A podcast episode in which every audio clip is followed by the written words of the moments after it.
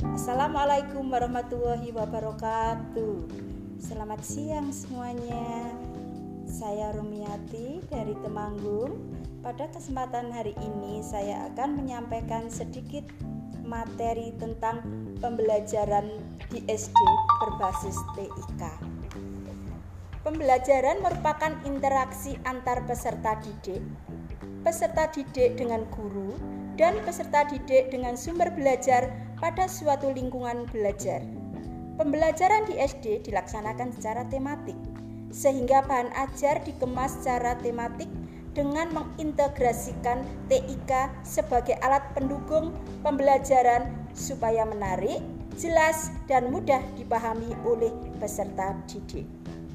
Bahan ajar tematik yang dikembangkan oleh guru terdiri dari bahan ajar, pokok untuk pembelajaran harian, bahan ajar untuk pembelajaran remedial, dan bahan ajar untuk pembelajaran pengayaan.